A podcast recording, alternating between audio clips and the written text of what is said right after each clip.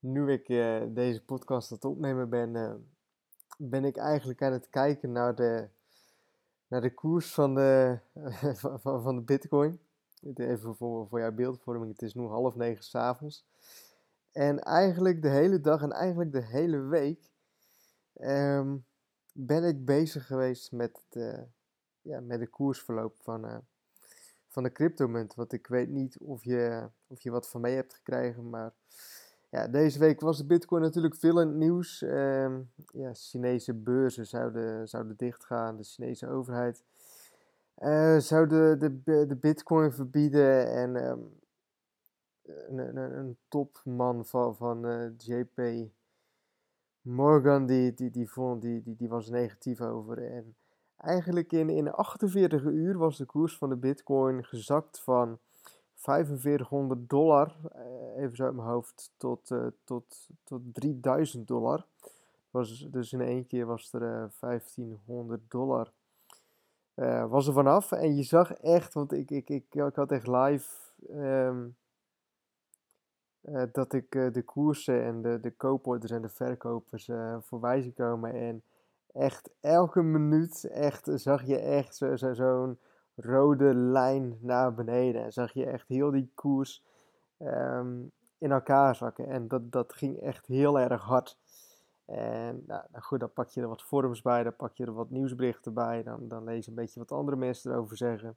En dan zie je gewoon heel vaak dat mensen uh, ja, verkopen omdat de koers omlaag gaat. Dat ze dan denken van, nou goed, ik kan nu mijn verlies nog een beetje inperken.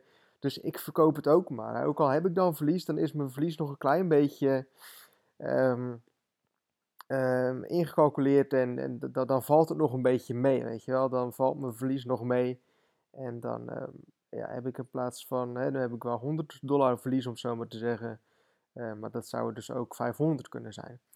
En ik zat toen te kijken en uh, dan lees je dus ook, en ik heb dan ook wel gesprekken ook met, uh, met, Bas ook op het forum op Skype.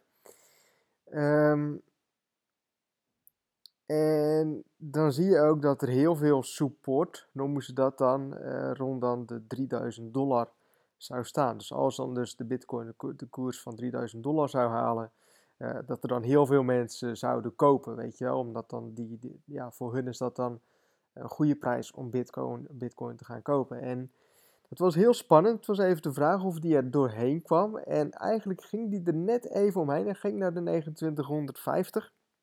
En toen bounced die eigenlijk terug en ging die echt in, in volgens mij een uur um, ja, naar de, ja, weer, weer boven, ruim boven de 3000 dollar. En sprak ik ook nog een aantal mensen die dus ook echt precies op die 3000 dollar hadden gekocht en echt in volgens mij dan in, in, in, in 8 uur of zo hadden die dan 800 euro per bitcoin zouden ze winst hebben. Dus ja, dat was dus um, ja, volgens mij dan iets van 20% of zo zou je dan één keer winst pakken als je zou verkopen.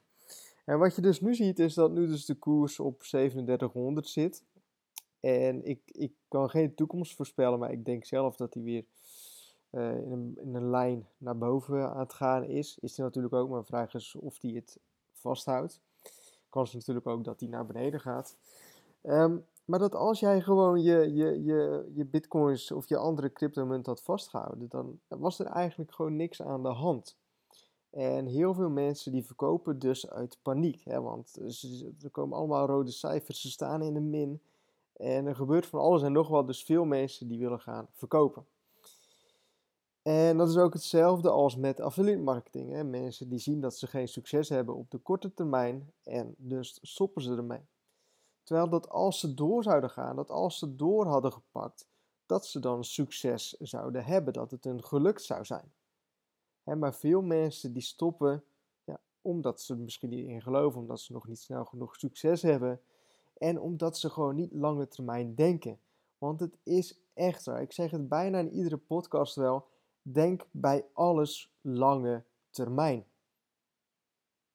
Hou vast. Hè. Denk niet in, in dagen, denk niet in weken, maar denk echt gewoon in jaren.